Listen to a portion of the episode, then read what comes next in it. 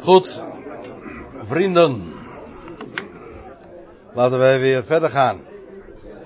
Er is zojuist nog eventjes naar gevraagd of ik, uh, of we straks na het zomerseizoen weer uh, de draad gaan oppakken en hiermee verder gaan. En eerlijk gezegd, dat denk ik wel ja. Want we, het algehele thema was de tweede bergreden. Matthäus 24 en 25. Over Matthäus 25 heb ik nog niet veel gezegd, laten we wel wezen. Wanneer beginnen? 1 augustus hier? Uh, nou, straks als de R in de maand zit.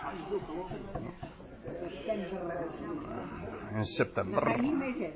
Ik denk het maar wel, ja. Uh, ik, ik heb daar nog niet echt heel uitgesproken mijn gedachten over laten gaan, maar het lijkt me het meest voor de hand liggend. En er is nog zoveel over te melden. Dus uh, ik eh, denk dat we dat maar uh, zo zullen gaan doen. En we Matthäus 24 hebben behoorlijk afgerond. Uh, nou ja, we moeten nu nog een aantal versen gaan bespreken. Nog even voor de goede orde. Er kwam even voor de pauze nog zo ter sprake dat Matthäus 24 vooral vanuit Israëlitisch gezichtspunt wordt bezien. Hè. Degene die in Judea zijn, het is allemaal een Israëlitisch gebeuren vanuit dat perspectief. Ik moet er wel bij zeggen dat uh, als eenmaal Israël verzameld zal zijn, zal vervolgens, we hebben dat al veel eerder gezien, dan zal vervolgens het evangelie van het koninkrijk gepredikt worden aan de hele bewoonde wereld. Ja, en daar zullen mensen uh, acht op slaan en uh, dat gelovig aannemen. En daardoor een rechtvaardige worden. En er zullen mensen zijn die dat afwijzen. In welke verhoudingen, dat weten we dus niet. Maar, uh, nou ja, laten we even 50-50 zeggen dan. Hè? Zoals we unaniem hebben besloten bij deze. Hè? Ja. Maar goed. Wat, er, waar het vooral even om ging is dat de in Matthäus 24, in de pauze is dat ook nog eventjes aan de orde geweest. In Matthäus 24 worden, wordt als Israël wordt hersteld, uh, dan gaat het evangelie van het koninkrijk gepredikt worden. Uh, dat, is de, dat is het uitbotten van die vijgenboom en, en in aanloop van de zomer. Het enige wat we weten over die periode is dat het een in één generatie zal zijn evangelie van het koninkrijk zal gepredikt worden. Voor de rest wordt daar niets over vermeld. Ja, het einde wordt gemarkeerd, namelijk dat dat, net als in de dagen van Noach, een, een wegname zal zijn. Hè. Allen werden weggenomen in de dagen van Noach. Hè. Alle onrechtvaardigen. Wel, zo zal het in de dagen, in de, in de tegenwoordigheid van de zoon van de mens ook zijn. Dan worden de onrechtvaardigen uit het koninkrijk weggenomen.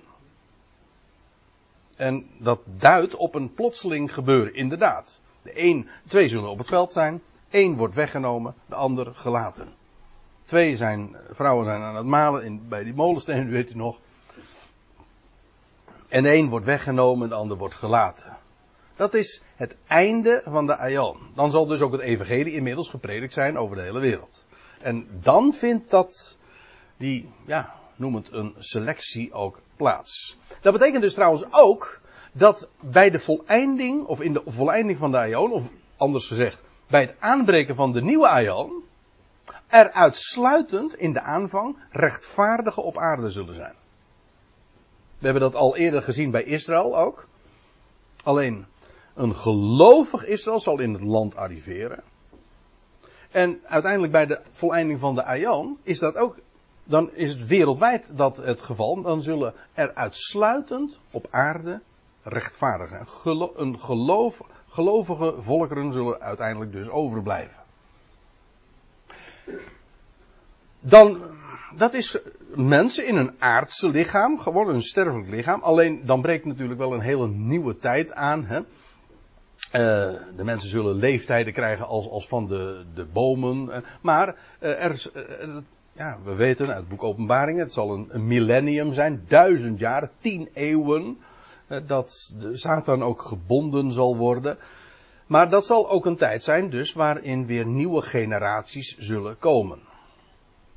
In aanvang, dat is wat ik zei, in aanvang zal er dus zo zijn dat er slechts rechtvaardigen op aarde gevonden zullen worden. En de onrechtvaardigen zullen weggenomen zijn. Alleen, en dat is wat ik bedoelde te zeggen, in de nieuwe generaties zal er ook natuurlijk uh, andere mensen weer komen en ook ongeloof zijn. Er zal ook, uh, je leest ook over gerichten die zullen plaatsvinden, over degenen die niet zullen luisteren. Een streng regime zal er ook zijn, rechtvaardig. Een verademing na, eh, na millennia van zoveel onrecht. Het zal streng zijn, dat wel. Lik op stuk beleid, hè? weet dat. En, uh, ja, ik hou niet zo van het woordje dictatuur, want dat suggereert alsof er geen vrijheid zal zijn. Maar het is wel een, een alleenheerschappij, of in ieder geval een volstrekt hiërarchische, geen democratische eh, heerschappij zal het zijn. Nee, absoluut niet. En er zijn natuurlijk in, in onze dagen ook, en zoals eeuwenlang, zijn er allerlei uh, anticipaties op uh, geweest. Uh, op voorhand zijn die gedoemd te mislukken. Dat wil zeggen theocratische vooruitgrijpen. Weet je wel, om ook een theocratie op aarde te vestigen. En dat, was, dat is altijd nog een drama geworden. En de laatste varianten die kennen we maar al te goed. En die komen dan uh, uit, uh, uit de moslimwereld. Maar het is allemaal theocratisch vooruitgrijpen. Maar dan, ja, dan wordt het een, uh, dan wordt het andere koek, hè? Another koek. Hm?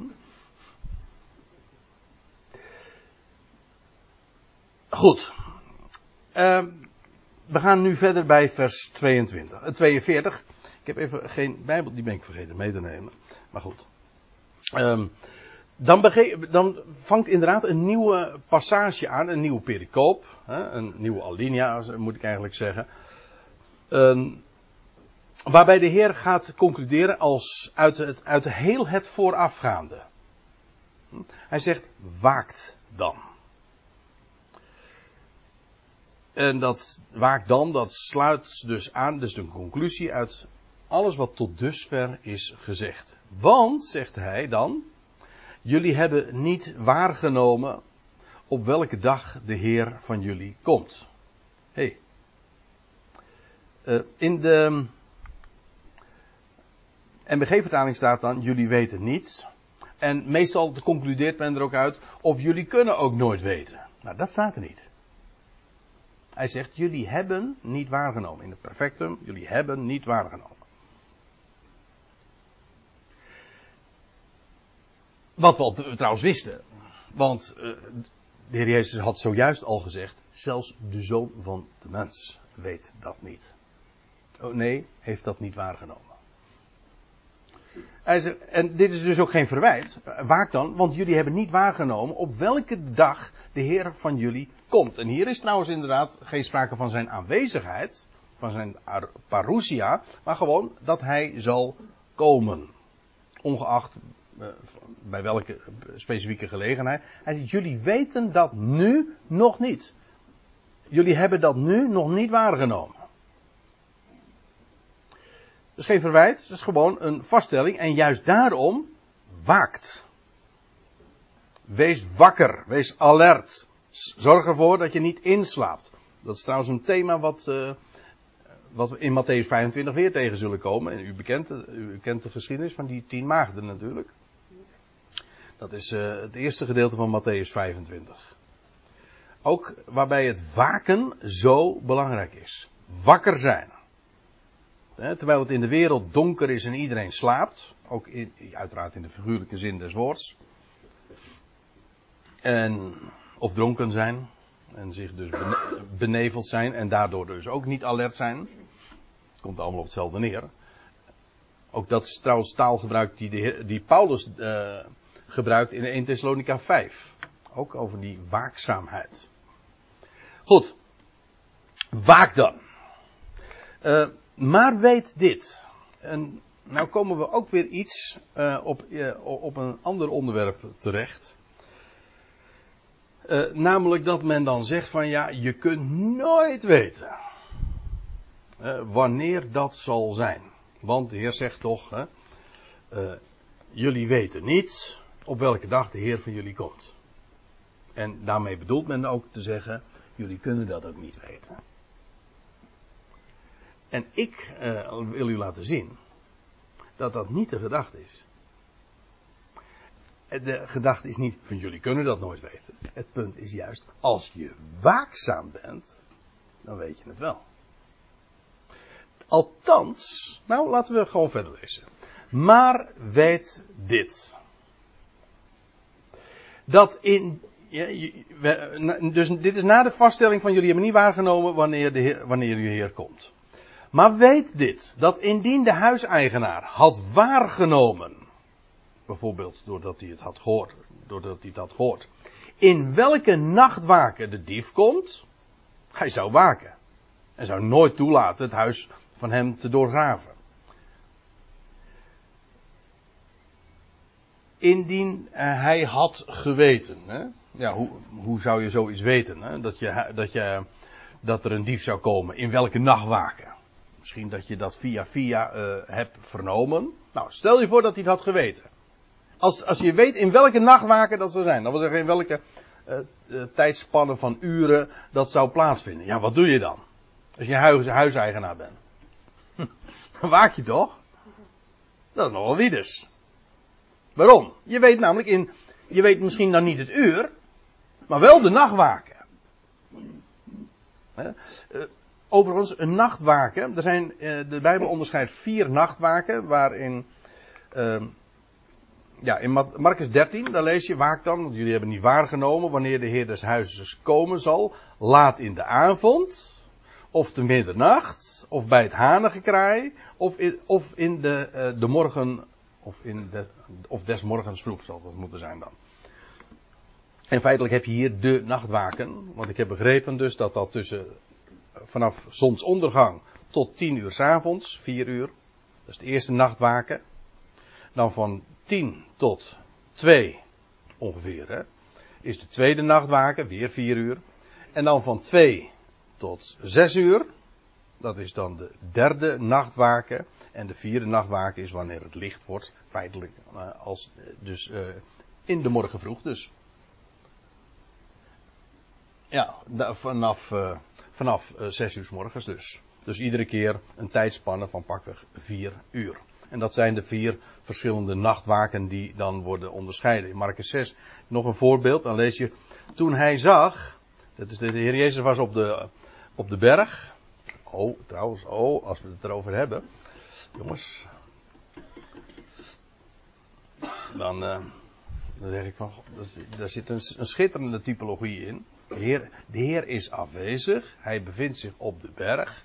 En dan weet hij, um, nou dan staat er, toen hij zag uh, dat zij zich aftopte om vooruit te komen bij het varen, want ze hadden de wind tegen, kwam hij omstreeks de vierde nachtwaken tot hen, gaande over de zee.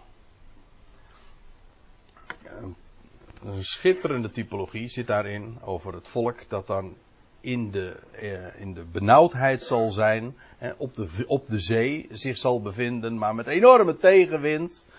Maar hij die daarboven is, hij ziet hen en hij komt tot hen. Ja, en dan zal hij zeggen, vrees niet. En dan zullen ze ook ontsteld zijn als ze hem zien. Prachtige voorafschaduwingen in zo'n geschiedenis. Maar daar, gaat, daar gaat het me nu niet om natuurlijk. Het is dus een beetje illegaal dat ik nu dit soort uh, opmerkingen erover maak. Het gaat namelijk over de vierde nachtwaken. Hè? Het zijn verschillende uh, stadia in de nacht. Dat is het idee. Nou. Weet dit. Dat indien de huiseigenaar had waargenomen in welke nachtwaken de dief komt, hij zou waken. En hij zou nooit toelaten het huis van hem te doorgraven. Hier wordt trouwens een, uh, in de MBG-vertaling wordt gesproken over inbreken. Dat is de gedachte, het woord wat gebruikt wordt is, u ziet het, het is nog een lange zin in de interlineair, uh, een onderaardse toegang graven. Dat is het. Dus het is beneden het huis door, via die weg, via dat traject dan in het huis binnenkomen. Hè? Dat doe je dan snel Het gemas mag ook voor de mooie Ja. Sorry? Het gemas mag ook voor de mooie tunnels gaan. Ik versta niet. De gemas mag ook leuke tunnels gaan. Oh, de gemas doet dat, ja. Ja, die zijn ook al. Uh, Die doen dat ook niet zo uh, heel erg uh, netjes allemaal. Ja, maar oh, ik zit er eens aan te denken. Heeft die huiseigenaar misschien in de gaten gehad dat er een gat gegraven werd? En dat hij denkt van, hé, hey, daar komt een dief aan. Dat hij op die manier weet. Ja, ik verzin dat ter plekke hoor. Want jij zegt erover van, oh, hij doet dat snel in vier uur. Maar goed, ik weet het niet. Het doet, uiteraard, het is een metafoor. Het gaat erom, als een huiseigenaar had waargenomen. Als, als die op een of andere manier zou weten. Dat in welke nachtwaken een dief zou komen. Nou, dan, dan, dan, laat dan zou hij dat nooit toelaten. Dat het huis van hem doorgraven zou worden. Hij zou gewoon zorgen. Dat hij, dat hij dan uh, erbij is. En dat hij. Uh, hij zou gewoon waken. Het zou, en waarom? Wel, dat, dat zou hem niet overkomen dan. Dat, de clue is dus. Die huiseigenaar waakt. Waarom? Omdat hij de nachtwaker weet. Dat is het idee. Ja, als je niet weet, of dat niet weet, ja, dan kun je niet waken ook. Ja, want dan, hè, dan kun je nooit slapen namelijk. Het idee is juist, die huiseigenaar die weet in, in welke nachtwaker, hij weet het uur niet. Nee, maar wel de nachtwaker. Hij weet in welke tijd hij leeft. hij weet dat te onderscheiden. En daarom waakt hij. En dat is een heel belangrijk punt. En uh, het, het, heeft lang geduurd voordat uh, dat kwartje bij mij viel. Uh, van, van dit vers.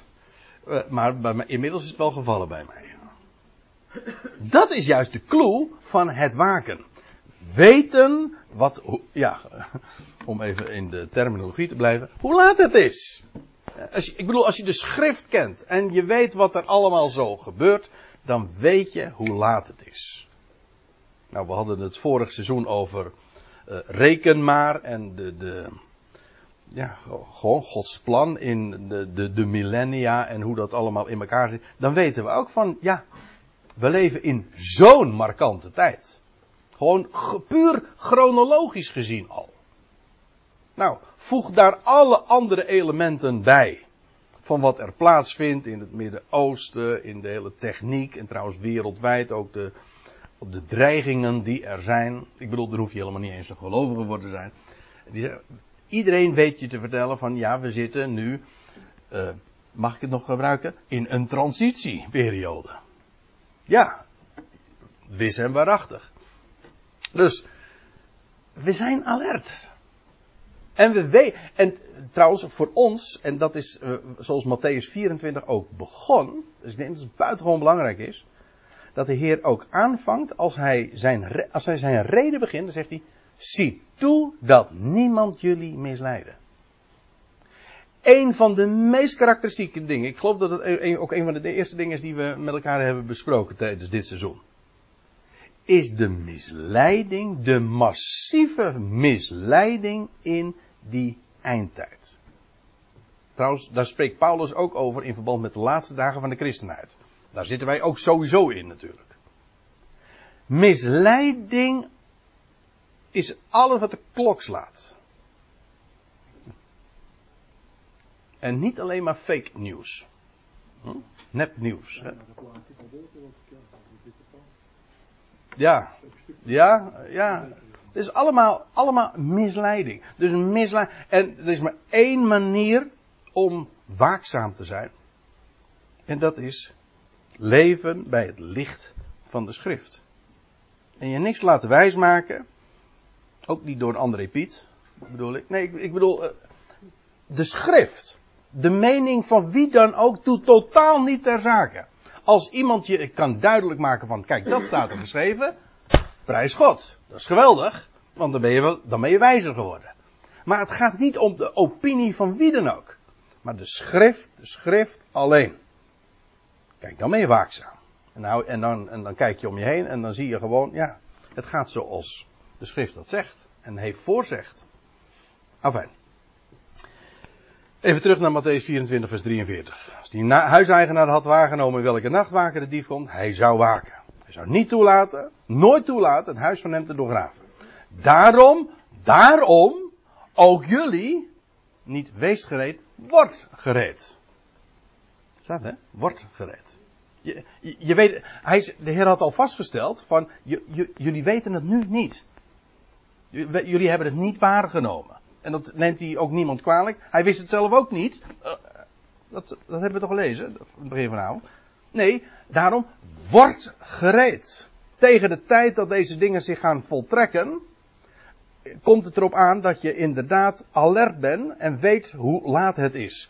Uh, Daniel, in, in, Daniel 12 zegt het ook zo duidelijk, hè, over dat juist in die dagen, hè, dat, hij spreekt dan ook over die gruwel van de verwoesting, en in die tijd, gewoon binnen zeer afzienbare, dat dan ook in Israël, onder, onder het volk van Israël, de kennis zal toenemen. En de verstandigen, de maskilim, die zullen het verstaan. En zullen de schriften onderzoeken. En de dingen zullen duidelijk worden. Ook voor het volk Israël straks in die eindtijd. En de kennis zal enorm toenemen. Kijk, het wordt heel vaak toegepast op de, de enorme toename van de kennis van de, van de wetenschap en de techniek. En dat is een ongetwijfeld een, ook een, een element. Maar daar in Daniel 12 gaat het over de kennis van de schriften. En dat zal ook duiden, dat ook het boek Daniel voor, uh, uh, voor, voor het volk Israël dan ook, uh, hoe staat het er, ontzegeld, hè, ontsloten zal worden. Want tegen Daniel werd gezegd van, verzegel het boek tot eindtijd. Maar als het dan zover is, ja, dan zal, dan, dan zal het zomaar openlijk ter inzage zijn en dan zal men ook komen tot kennis van al die dingen. En dan is het zo belangrijk om alert te wezen. Daarom ook jullie, wordt gereed. Want in een uur dat, jullie het niet dat het jullie niet toeschijnt, let op, dat het jullie niet toeschijnt in de tegenwoordige tijd, dus op dit moment schijnt het jullie niet toe, toen, dat wil zeggen, toen de discipelen dit hoorden, dan komt de zoon van de mens. Hij zei, je hebt je nu nog geen idee van. En vandaar ook, waakt. Goh, dan gaan we, komen, gaan toch nog snel zeggen. Uh, wie is, en dan zegt hij, wie is dus de gelovige, of ja, er staat er de betrouwbare. Uh, eigenlijk, het woord betrouwbaar en gelovig in het Grieks is hetzelfde, is identiek. Dus het hangt een klein beetje af van de context. Wie is dus de gelovige en de verstandige slaaf? Gelovig? Ja, hoezo?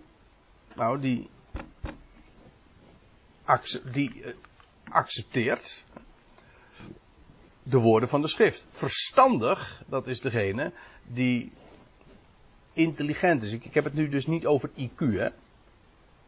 Je hebt, ik heb mensen een hele hoge IQ, maar die niet intelligent zijn. In de Bijbelse zin van het woord. Je hebt mensen die helemaal niet zo'n superhoge IQ hebben. En nauwelijks op school meekwamen. Maar die zeer, zeer intelligent zijn. Ja, namelijk leven bij het licht van de schrift. En luisteren eraan. Dat is, dat is verstandig. En intelligent onderzoek doet ook naar de schrift. Want dat is, ook dat is verstandig. Willen weten hoe het zit. Wie is dus die verstandige gelovige slaaf? Lijfeigen, Die, die, een, die een heer heeft. Uh, dan, zegt, dan vervolgt de heer met de vraag, uh, die de heer aanstelde over het, over het huispersoneel van hem. Om aan hen het voedsel te geven te gelegener tijd. Ja, wie, aan wie doet de, zo'n heer dat? Die, eh, zo'n heer, je, moet je voorstellen, iemand die een, een bedrijf heeft, eh, die veel mensen uh, aan het werk heeft, en die stelt een aantal mensen aan voor een bepaalde functie. En die in dit geval om aan het huispersoneel voedsel te verschaffen. Gewoon op het juiste moment. Aan wie doet hij dat? Ja, aan degene die betrouwbaar, ja, of gelovig, verstandig is. Nou, gelukkig de slaaf. Het woordje slaaf drukt trouwens ook precies uit. Uh, dat het is een lijfeigenaar. Is maar niet alleen maar een werknemer.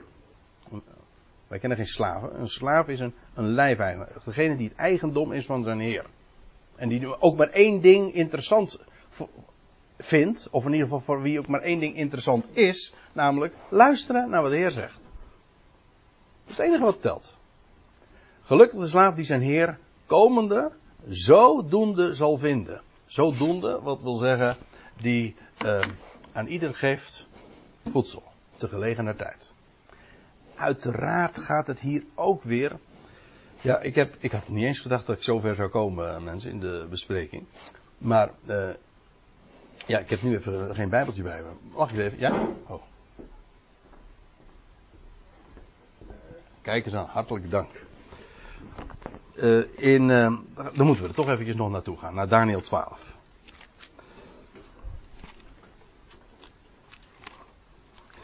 Als ik het op het internet, op het, uh, internet zet, dan zal ik het diaatje nog wel even toevoegen. Daniel 12. Ik heb er al even aan gerefereerd.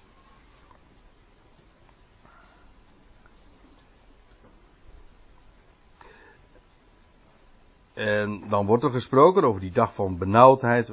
Ook daar hebben we het over gehad in vers 2 of vers 1. In die tijd zal uw volk ontkomen. En dan in vers 3. En de verstandigen zullen stralen als de glans van het uitspansel. En de velen tot gerechtigheid brengen. Um, dan moet ik het goed lezen. Um, zullen stralen als de glans van het uitspansel. Ik moet er even trouwens, uh, maar dat even terzijde bij zeggen, dat de vertaaltechnisch hier wat uh, haken en ogen zitten, maar daar ga ik nu even helemaal aan, voor, aan voorbij. De verstandigen zullen stralen als de glans van het uitspansel en die velen tot gerechtigheid hebben gebracht als de sterren voor eeuwig en altijd voor de aion, voor de en verder. En de gedachte is hier, die verstandigen, de masculim, die verstanden, die ontdekken dingen, die dingen zullen ontdekken in de schriften, die dan ook weten hoe laat het is, die onderkennen de tijd, die zullen vervolgens in die dagen ook velen tot verstandigheid uh, brengen. Hoe staat het hier? En die velen tot gerechtigheid hebben gebracht, ook tot het rechte verstaan en uh, daardoor ook stralen. Uiteraard het licht van het woord. Maar gij, Daniel, houdt de woorden verborgen en verzegel het boek tot de eindtijd. Velen zullen onderzoek doen en de kennis zal vermeren. Ziet u ook de context van de kennis die zal vermeren? Ja, in verband met de profetie. Daniel in zijn dagen, die mocht alles wat hij had opgetekend, moest het boek sluiten en zei van, het. Het zal niet begrepen worden, het zal niet toegankelijk zijn, Totdat. Tot eind. En dan zal mijn volk, want daar gaat het over, er kennis van nemen. En ook inderdaad, de kennis zal enorm toenemen. En de masculim, de verstandigen, die zullen velen ook tot het rechte verstaan brengen. En ik denk, en daarom haal ik het ook, even aan. Mag ik het nog even hier houden? Uh, dat het hier alles te maken heeft weer met het voorzien van het geestelijke voedsel. Dat is, dat is waar het echt om gaat. De verstandige en die gelovige slaaf, wel, die geeft uh, dat wat hem is toevertrouwd, zijn, uh, het, het voedsel te gelegener tijd. Gelukkig de slaaf die zijn heer, als die komt, zodoende zal vinden. Bezig met de schrift Amen. Ik zeg, ik zeg jullie, voorzeker, dat over al zijn bezittingen hij hem zal aanstellen. Dat wil zeggen, die krijgt straks in die nieuwe Ayan een geweldige positie. En hij heeft bewezen in de tijden dat het er echt om spande, dat hij betrouwbaar was. Wel, dan zal die over veel ook gesteld worden. Een principe dat we heel vaak vinden. Ik begrijp dat ik nu eventjes snel ga door deze versen. In het geval echter dat de kwade slaaf, die dus niet betrouwbaar en niet gelovig en niet verstandig is, in het hart van hem zal zeggen: Mm, de Heer van mij blijft lang uit. Maar, hoezo kwaad? Nou, het is, het is ook gewoon heel dom. Ja, ding, dus, dus, dat is inderdaad onintelligent. Het is wij denken bij kwaad altijd in de termen van, uh, in morele termen, maar het is ook vind ik altijd trouwens een hele mooie bijbelse gedachte. Uh, zonde heeft ook altijd te maken met, met doelmissen. Het is ook gewoon dom. Het leidt nooit tot, tot het, uh, het goede, het gewenste resultaat. Nooit. Het mist altijd doel. En hij zal, in, als hij in zijn hart zegt, nou de Heer van mij blijft lang uit. Nou, dan is hij dus niet waakzaam.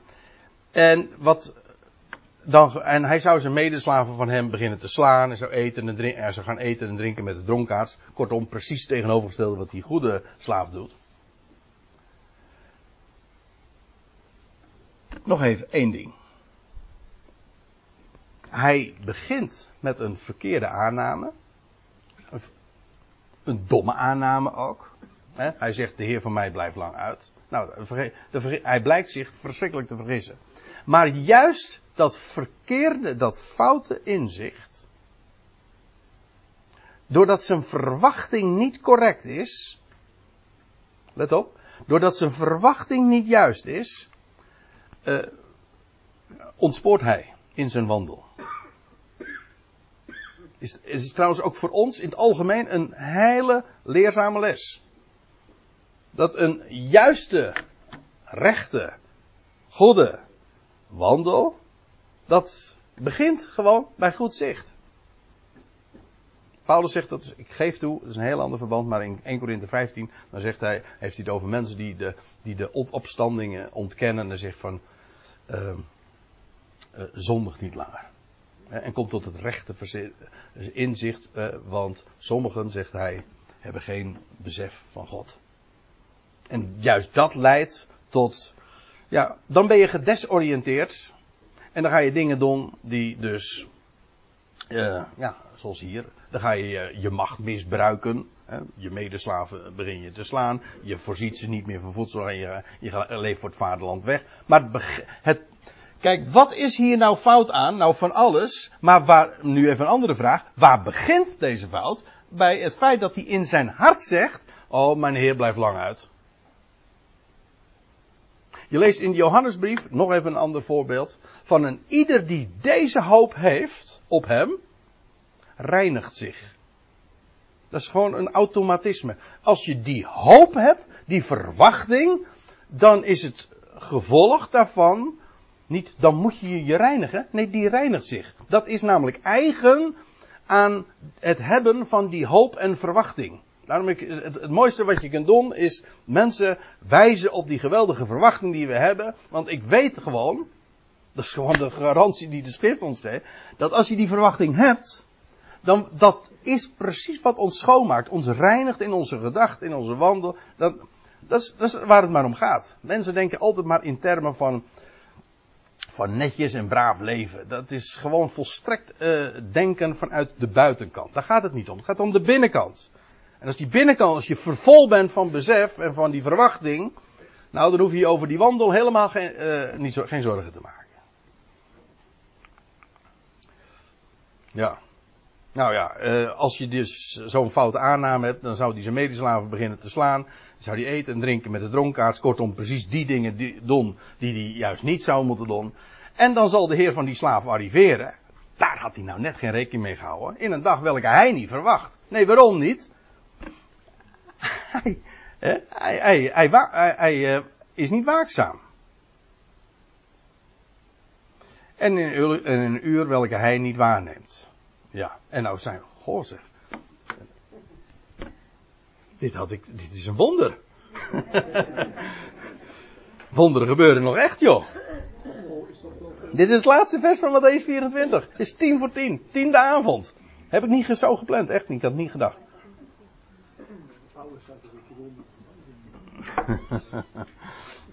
nee. Oh ja, nou komen we trouwens. Ja, god, dat zou nog toch weer een hele kwestie worden. Want en hij zal hem twee snijden. Ja, nou, uh, ik meen dat een, een, Lutherse vertaling zegt. Uh, hij zal hem vieren delen. In, in tweeën. Dat is helemaal geen gekke vertaling hoor. Alleen, het, uh, dat is natuurlijk niet letterlijk. Hè, in tweeën hakken. Hm, vieren delen dan sowieso niet natuurlijk. Maar dat tweesnijden, hij zal hem, ja wij zeggen dat natuurlijk niet zo. Hij zal hem twee snijden. Maar uh, wij zeggen, wij spreken dan oordelen. Dat is trouwens ook. Uh, nee. Ja, nou moet ik ineens aan Fons Jansen denken. uh, die, die een keer, Fons Jansen, u weet het, een conferencier uit vroegere dagen. Eigenlijk voor mijn tijd ook nog. Die was een keertje in het Heilige Land. met een excursie of zo. En toen was hij in de, bij de stallen van Megiddo. En, en toen werd hem een of andere reliquie aangetoond. en zei van kijk, dat is, dat is een, een, een stukje oor. Dat is een Salomons oordeel. ja. Nee, goed. Uh, maar dat tweesnijden, dat is oordeel, het, uh, in, in het Hebreeuws kent dit trouwens. Men zegt ook, dat is een, dat is een kwestie apart, ik, ik noem het alleen eventjes. Men zegt ook van het, het evangelie naar Matthäus zou de wij nu in het Grieks hebben, terwijl origineel, ik zeg er even niks van, hè, want het is, zou in het origineel in het Hebreeuws geschreven zijn. En dan vertaalt men dit terug en dan, zegt men, hier staat in het Hebreeuws het woordje gazar en dat betekent afsnijden. En dat heeft dus niks te maken met hem in tweeën hak. Trouwens, dat is helemaal ook niet de gedachte, want er staat vervolgens bij, uh, hij, zal hem, hij zal hem in twee, hij zal hem twee snijden, ja, en zijn deel plaatsen met de huigelaars. Nou, dat doe je niet als je hem eerst in stukje, letterlijk in stukjes gehakt hebt, uh, dan gaat dat nergens over. Zo zie je trouwens maar dat uh, uh, zulke vertalingen gemakkelijk op, een, op een verkeerd spoor kunnen zetten. En zijn deel plaatsen met de huigelaars. Dat wil zeggen, hij zal, omdat hij zo met de schrift is omgegaan, zal hij het deel hebben van hetzelfde deel als degene, de hypocrieten, hè, de, de huigelaars, degene die zeggen zus hè, in de schriften geloven, maar dat niet doen. En daar zal het huilen zijn en het knarsen van de tanden. En daar zijn we feitelijk weer terug bij af. Want aan het einde van de aion, ik zei u al, aan het einde van deze boze aion, als deze de wereldtijd zal worden afgesloten, en dan zullen uitsluitend rechtvaardigen de nieuwe aion ingaan, zoals in de dagen van Noach. En degene die daar niet, geen deel aan, zullen hebben, ook degene die het misschien wel verwacht hadden, hè, of daar meende aanspraak op te hebben, heel religieus waren, maar het zijn huigelaars. De buitenkant is misschien allemaal braaf en netjes, ook, maar de binnenkant, daar gaat het om. En zij zullen, misschien hebben ze verwacht van, nou wij, eh, als de Messias komt, dan hebben wij een, een vooraanstaande plaats en ze zullen buiten staan. En reken maar dat de tanden dan knersen. Zij dachten altijd hm, de eerste te zijn. Dat is ook een hele religieuze aanname. En zich puur om hun eigen verdiensten. En ze zullen dan de tanden knarsen, wat in de Bijbel geen uitbeelding is van pijn, maar van van toorn. Je leest van in de geschiedenis van Stefanus ook, als die ge, wordt, dan lees je van, en, en uh, nee, als, als hij, uh, als, uh, als we Stefanus horen spreken, dan sneed het hen door de ziel, staat er. En, en ze knarsten, ze knarsten de tanden, ze konden het niet aanhoren. Want dit sneed hen zo door de ziel dat, dat dit tegen hem gezegd werd. Nou, zo zal het uh, straks ook gaan. Dan zal het huilen zijn, ook het gejank van de jakhalzen en buiten in de woestijn. Buiten de feestvreugde en het knersen van de tanden. En hier wordt dus aan het einde, uh, ja, die gelijkenis gesproken over een slaaf. Ja, ben je de goede slaaf of de ontrouwe? Hoe sta je in die eindtijd? Verstandig? Gelovig? Licht van de schrift? Waakzaam? Of niet? En dat, en dat daar komt het dan allemaal in die tijd op aan. Nou, dat is wat in deze laatste verse van Matthäus 24 aan de orde gesteld wordt. En vervolgens krijg je dan Matthäus 25. Dan zal het koninkrijk vergeleken worden met. Kijk maar na. Dan, in die tijd. Met andere woorden, in Matthäus 25 uh, gaat over dezelfde tijd als waar Matthäus 24 ook over spreekt. Maar daarover, een volgende keer. Een volgend seizoen. Dus dan hebben we nog weer enige maanden te gaan. We kunnen dit allemaal eens rustig laten bezinken. En ik stel voor dat we het uh, hierbij laten. En wonder boven wonder, ik spreek nogmaals mijn verbazing erover uit. Dat toch het, uh, de bespreking van Matthäus 24 daarmee gecompleteerd is. Zijn er nog hele dringende vragen? Of opmerkingen? Of aanmerkingen?